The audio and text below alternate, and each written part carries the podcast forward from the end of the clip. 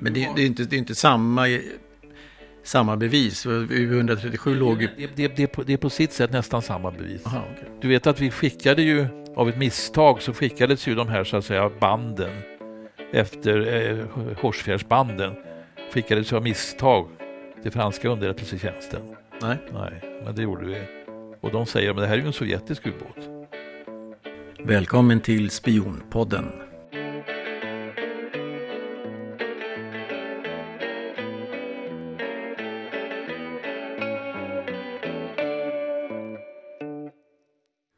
Här kommer då tredje och sista delen av denna intervju med före detta ambassadören och UDs folkrättssakkunnige professor emeritus i folkrätt Bo Teutenberg. Del 1 och del 2 har väckt både en hel del känslor och intresse. Eh, och efterfrågan på Bo Teutenbergs bokserie Dagbok från UD volym 1-5 har varit så stor att det ser ut som att det blir ett nytryck. Vilket ju är spännande och väldigt roligt om fler läste denna modiga och väldigt uppkäftiga bokserie. Och nu, episod 40, högdramatik i UD och del 3. Jag skulle vilja bara hoppa tillbaks för, eh, till Getingen och Solstickan, för du skriver, eh, som jag tycker är väldigt intressant, det är spionen Stig Wennerström som döms till livstidsfängelse för spioneri. Eh, och i samma veva så snabbförflyttas getingen och solstickan. Och du, det känns som att det är någon sorts, eh, att du har någon koppling där. Kan du försöka? Ja, jag, det finns en koppling här. För du hade ju så att säga en militär del, framförallt via GRU. Men vi vet också att du hade en civila delen via KGB. Det, det, det är ju inte allmänt känt, men det är känt. Ja, jag känner till det där. Bland annat genom också samtal med chefer för kontraspionaget att eh, det, det, fanns ju alltså en, en, civil parallell till Wennerström. Och eh, det är, är ju helt klart att eh, och för de som inte vet, Wennerström var alltså... Ja, Wennerström var ju då en flyg, flygöverste som då dömdes för spioneri för Sovjetunionens räkning till livstidsfängelse. Denne Wennerström hade olika förbindelser alltså med Sverker Åström som ju har identifierats som Getingen. Och Otto Danielsson som var chef för ryssroteln på Säpo på sin tid och som vid sidan av, av, av eh, statspolisintendent Georg Thulin. Eh, statspolisen hade ju på den tiden, det var ju Säpos föregångare, men eh, polisintendent Thulin och eh, Säpo-kommissarie Otto Danielsson jagade ju så att säga då framförallt Getingen mm. och dessutom Solstickan. Och det gör han då på basis av de avhoppare som då hade hoppat av med vissa strömhopp egentligen ifrån KGB, alltså KGB-avhoppare. Ja. Det var ju så att det var väldigt många KGB-chefer KGB som kallas ju för resident, residenten. KGB-residenterna var ju KGB, de lokala KGB-cheferna, till exempel här i Stockholm.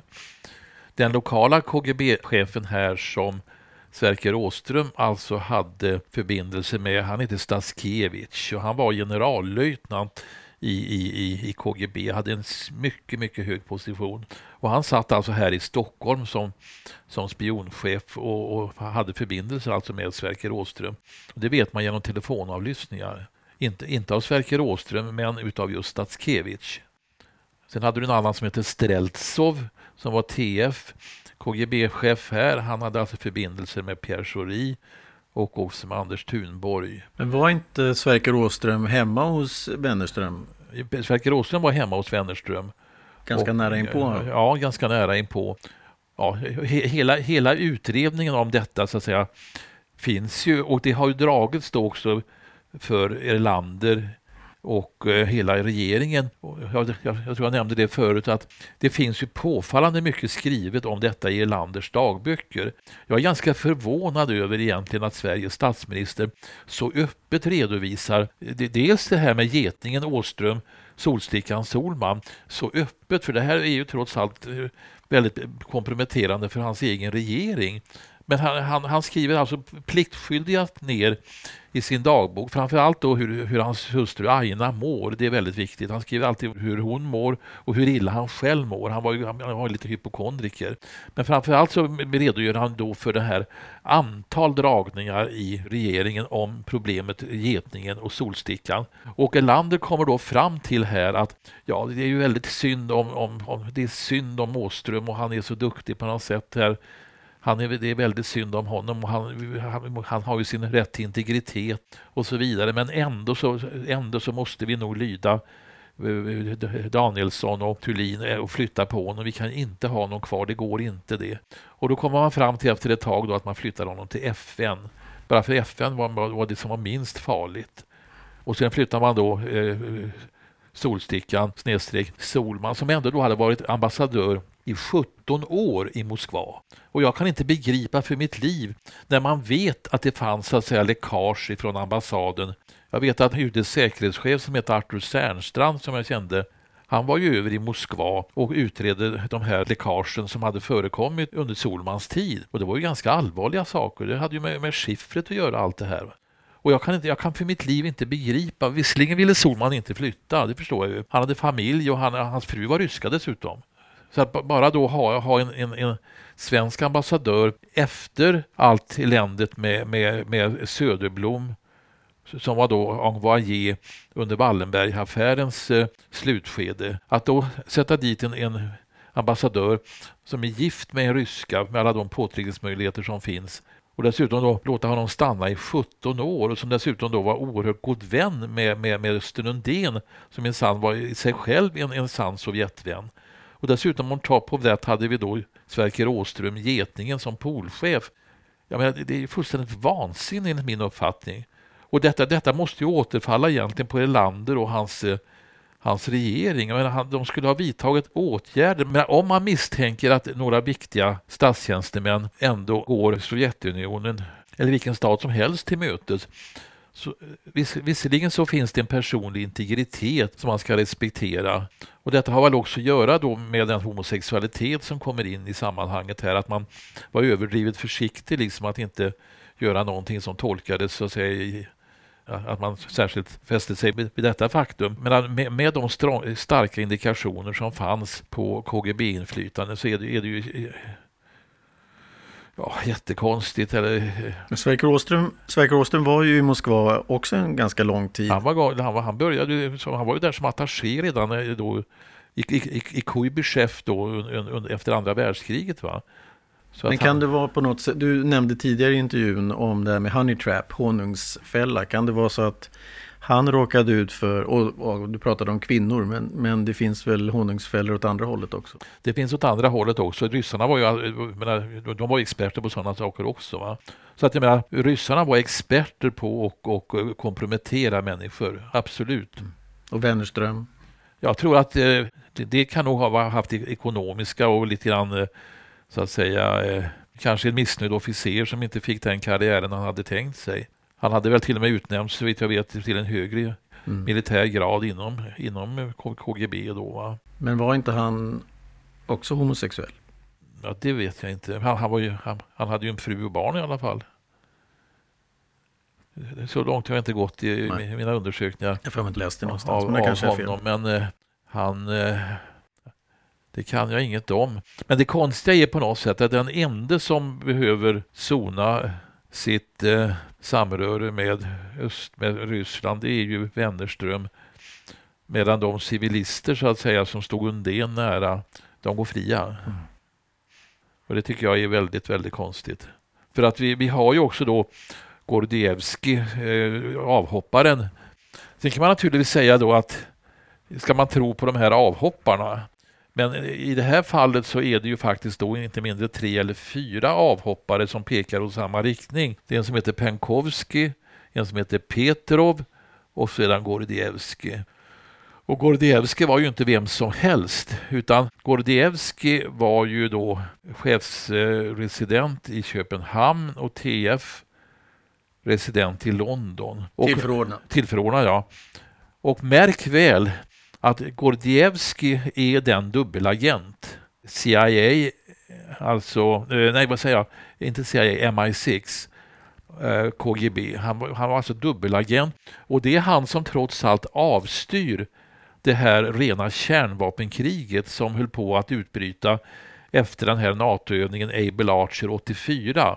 Då alltså helt enkelt misstag och miss, misconceptions höll på att leda till att ryssarna trodde att de var utsatta så att säga för eh, ett kärnvapenangrepp ifrån, ifrån, ifrån Nato, USA. Och det, det var på vippen att de höll på de hade, de hade ju då den här, eh, som jag skriver om i mina böcker, kärnvapen, retaliationsunderrättelseoperationen Rajan. Rajan, just det. Och Rajan var ju fullständigt livsfarlig. För att Rajan innebar helt enkelt, om, om Rajan utlöstes, då var det kärnvapenkrig mm. från sekund ett. Det fanns ingen chans att stoppa det. Och jag menar det att de här ryska uh, ubåtskränkningarna i Sverige från och med U137 till Horsfjärden och till upp i norrländska hamnarna, Töre och annat, de är del av, de är del av Rajan. De är del av Rajan bara därför att Sovjetunionen betraktade alltid Sverige som en del av NATO. Vi hade ingen kredit för vår neutralitet eller att vi var så snälla och hyggliga mot Sovjetunionen. Miljardkrediter hit och miljardkrediter dit och vi sa ju ingenting ens om Wallenberg när han, när han arresterades. Vi hade ingenting för det för att vi hade behandlats så att säga, hade Ryan utlösts så hade vi behandlats med kärnvapen från sekund ett. Kärnvapenretaliation alltså från sekund ett. Ryan står för Ja, det, ja, ja, ja, det är Ryan. Det, finns RY. Ja, RY. Namnet Ryan. Ja, Rak, Raketski. Jag, ja. jag kan det, det står i mina böcker, volym 3 framför allt. Ja, Jag eh, översätter och läser ur Wikipedia. Operation Ryan var ett militärt underrättelsetjänstprogram under det kalla kriget som drevs av Sovjetunionen under det tidiga 1980-talet när de trodde att USA planerade en förestående första militär och kärnvapenattack. Namnet är en akronym för Raketno Jaderno Napedenje och det är då ryska för Nuclear Missile Attack. Syftet med operationen var att samla in underrättelser om potentiella beredskapsplaner för Reagan-administrationen för att starta en första kärnvapenattack mot Sovjetunionen. Programmet initierades i maj 1981 av Jurij Andropov, dåvarande ordförande för KGB.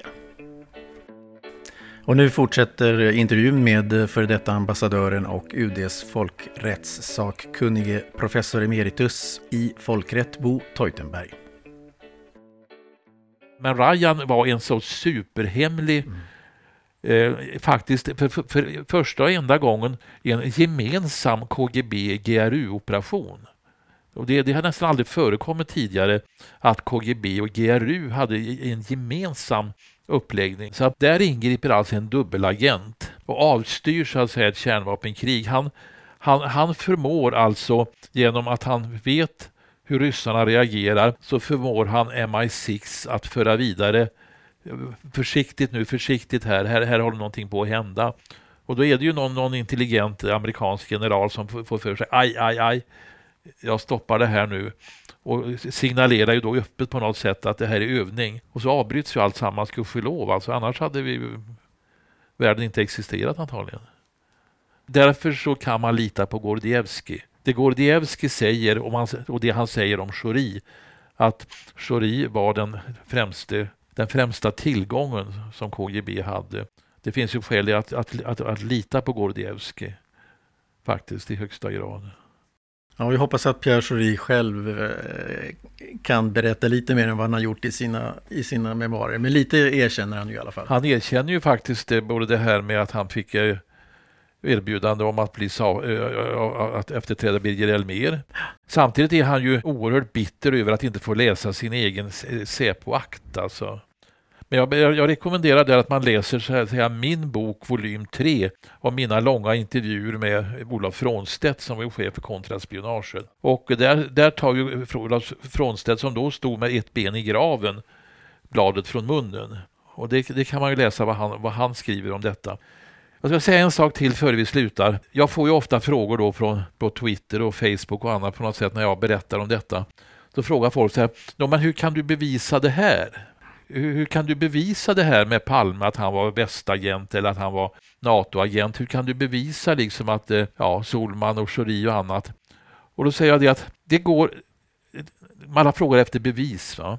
Alltså när det gäller underrättelsetjänsten och agenter och spioner så är det, är det så, och det tycker jag är ganska viktigt att säga här, att väldigt, väldigt få, det här är ironi, har så att säga en namnbricka eller ett visitkort där det, står, där det står liksom Pelle Svensson, KGB-agent eller eh, Karl Pettersson, spion. Det är väldigt, väldigt sällan som du får en sån presentation av människor. I, i hela, hela den här världen som jag har bekantat mig med, samtidigt med att jag var folkrättsprofessor, så ingår det ju på något sätt att folk agerar under täcket som hemliga agenter, hemliga spioner. Allt är hemligt.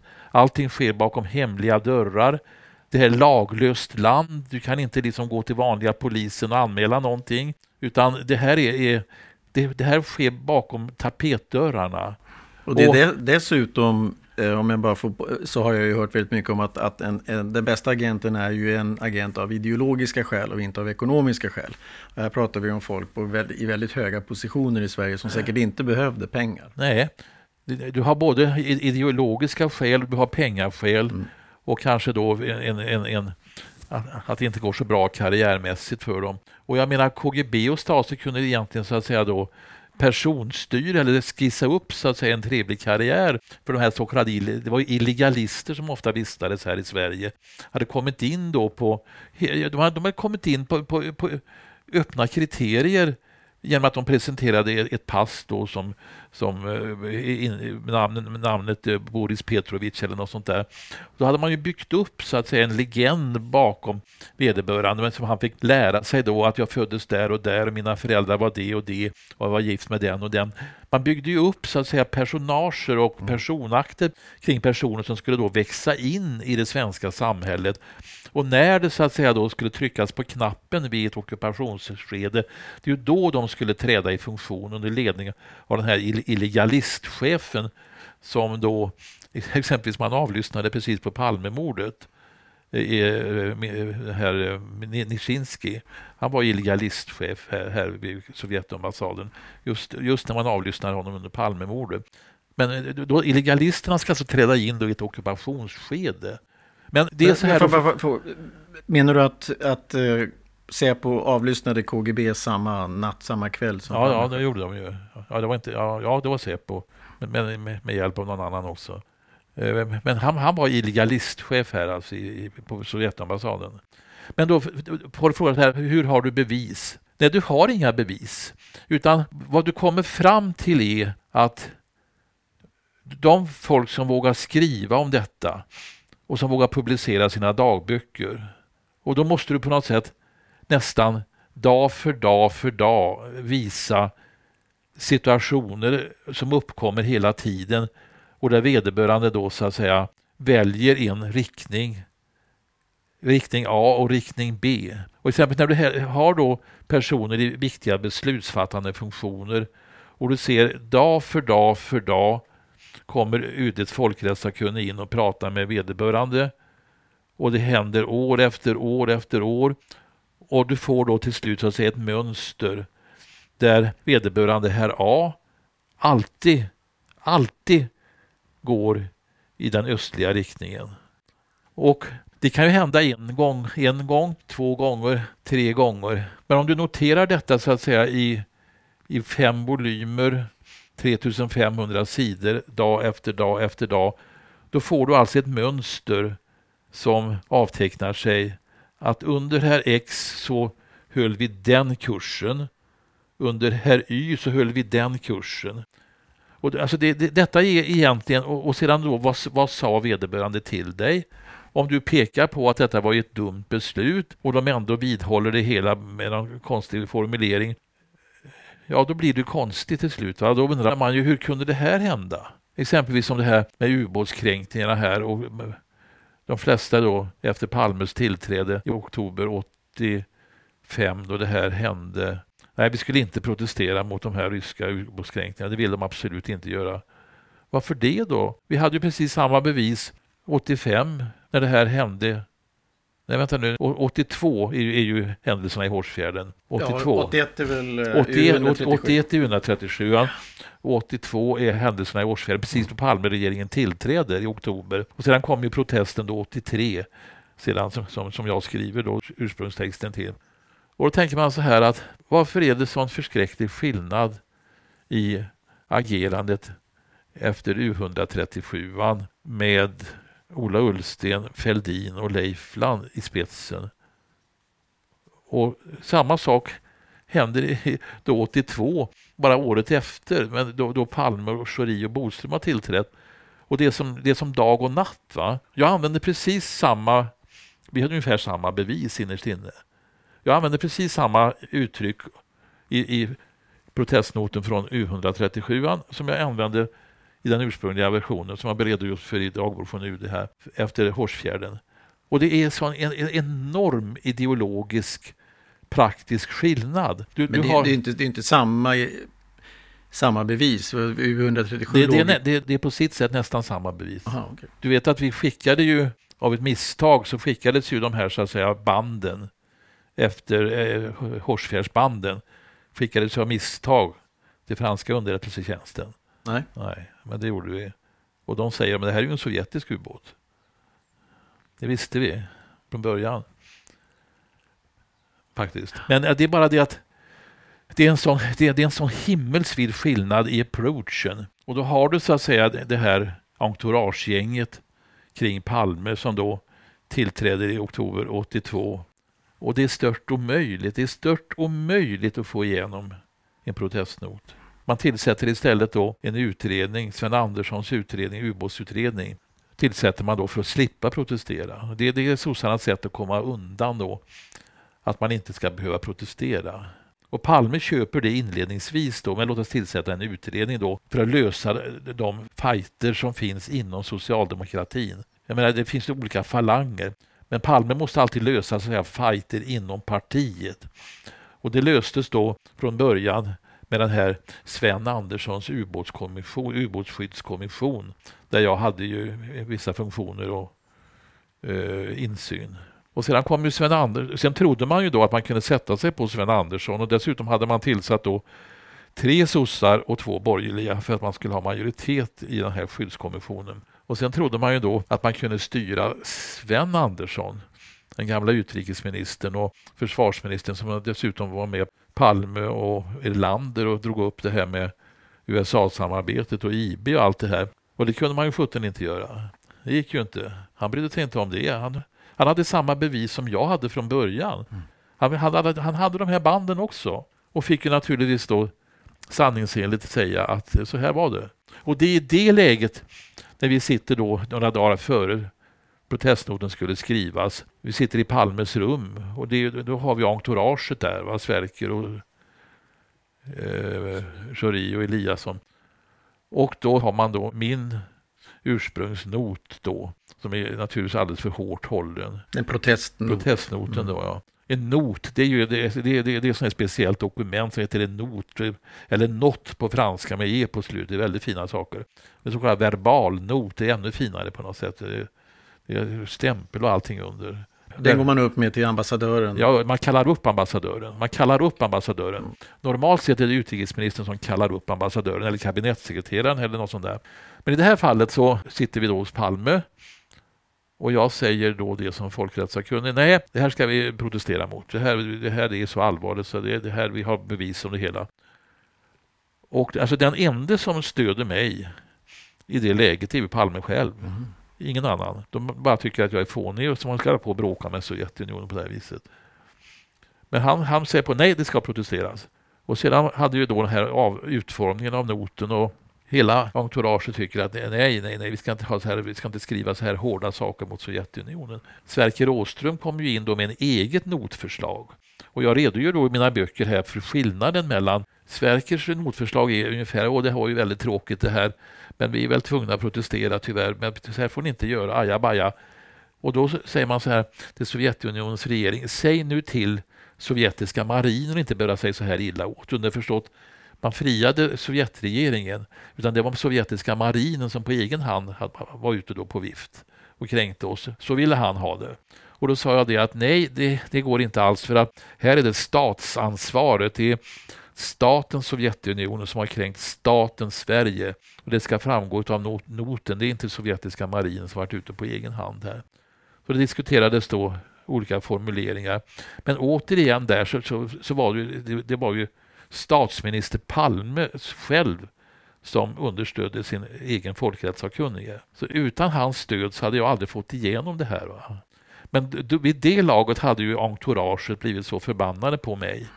För jag satt och bråkade till allting vad gällde det här med Sovjetunionen och protester och kärnvapenfria zoner och bara hade kommit invändningar stup ett. Och då hade man beslutat sig för att nu kastar vi ut Bo här, han kan inte vara folkrättssakkunnig. Än mindre ska han leda någon delegation för, för, för vita zonen. Och det är i det läget när jag inser liksom att, att eh, jag är utkastad, det är ju då jag avgår helt enkelt. Och säger det, tack så mycket, sköt det här själva om ni kan då. Jag läser ur Wikipedia.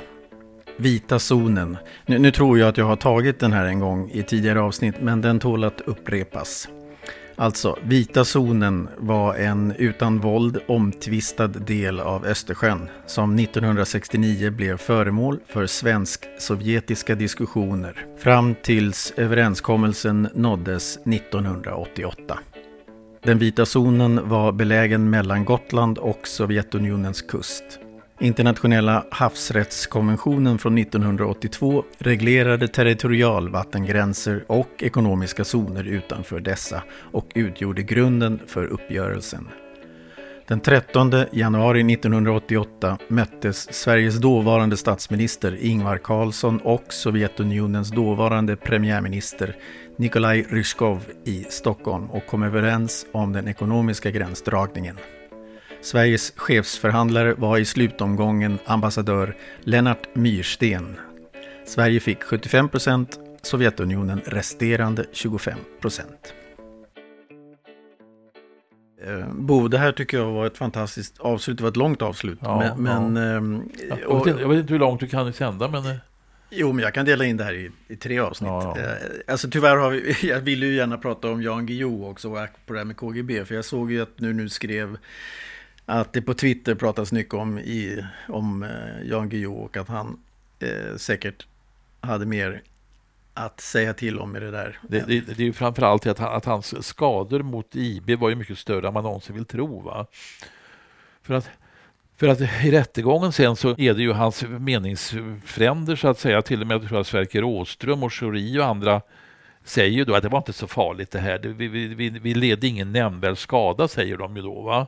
Men jag menar ju det att det var ju, det var ju en, en enorm skada han åstadkom genom att han brände hela, hela, han brände ju hela, hela underrättelseväsendet. Så, ja, sedan så kunde, sa ju militären det, det här går inte att ha, vi kan inte ha liksom en socialdemokratisk stat i staten. Utan det var då man, man, man slängde ut Socialdemokraterna och då, och då fick ju Birger Elmér åka till Göteborg och bilda den här krigs-IB eh, och SAPO. Och sedan så överlät man ju då så att säga spionchefsrollen till en, en, en, en, en yrkes, uh, yrkeschef. Och den, den första hemlige så att säga uh, chefen för, för eh, ja, den kvarvarande GB, GBU då som det heter SSI. Det var ju översten av första graden Gösta Lundström. Han, han var chef för GB, GBU SSI. Det här tycker jag var ett fantastiskt, eh, eller fantastiskt avsnitt kommer det ju bli. Jag vet inte hur jag ska tacka dig. Jag hoppas att vi kanske kan...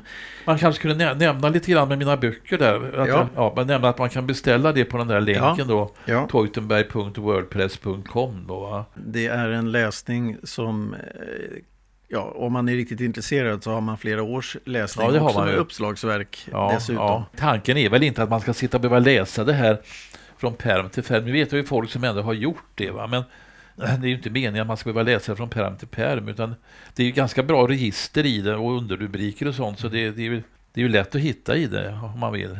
Ja, det är en sorts svensk samtida ja, historia. Det är, det, ja, det är en, det är en samtida historia. Mm. Samtida spionhistoria. Ja, det är det verkligen. Och det är alltså vår gäst, författare och professor Bo Teutenberg och böckerna heter Dagbok från UD, volym 1 till och med 5. Då får jag tacka dig så jättemycket Bo. Ja, tack så mycket. Tack, tack. tack. Hej. Hej, hej. Och glöm nu inte att gå in på vår Facebook-sida Spionpodden och eller Instagram spion.podden.